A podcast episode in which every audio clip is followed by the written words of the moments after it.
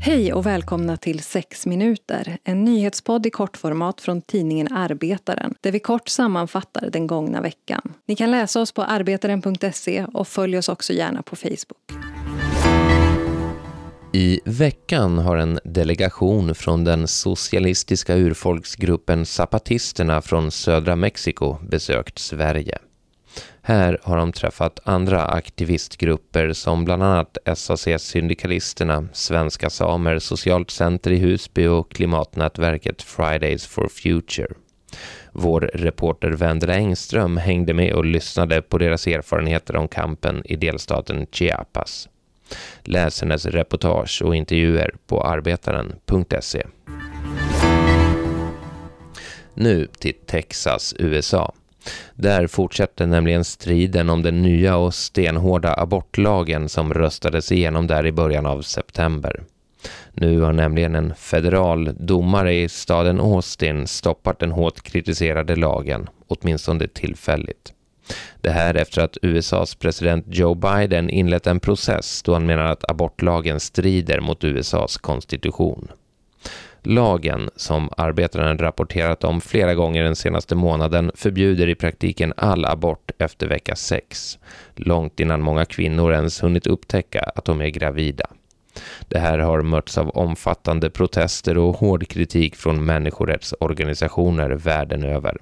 Men nu stoppas den alltså tillfälligt.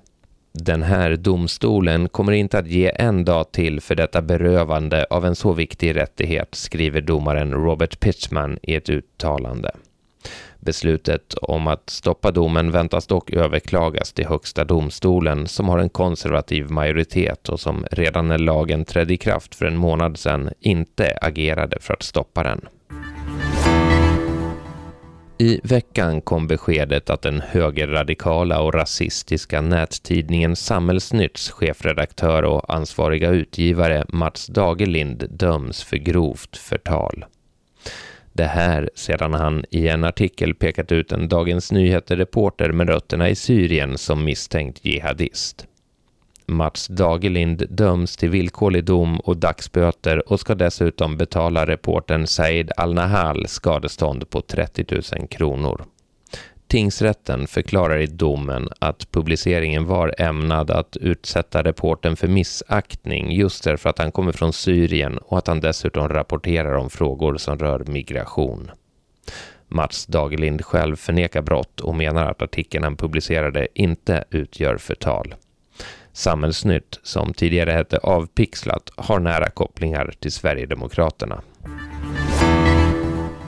En polis i Västmanland döms för att ha köpt sex vid minst två tillfällen. Nu sparkas han därför med högsta sannolikhet från jobbet.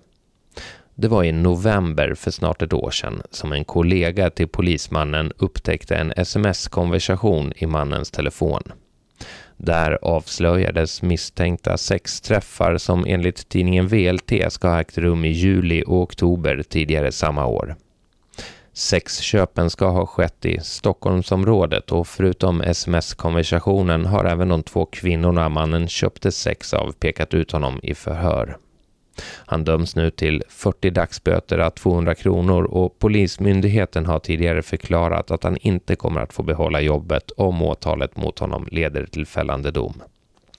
Polismannen själv menar att telefonen med de aktuella konversationerna inte var hans och nekar till sexköpen.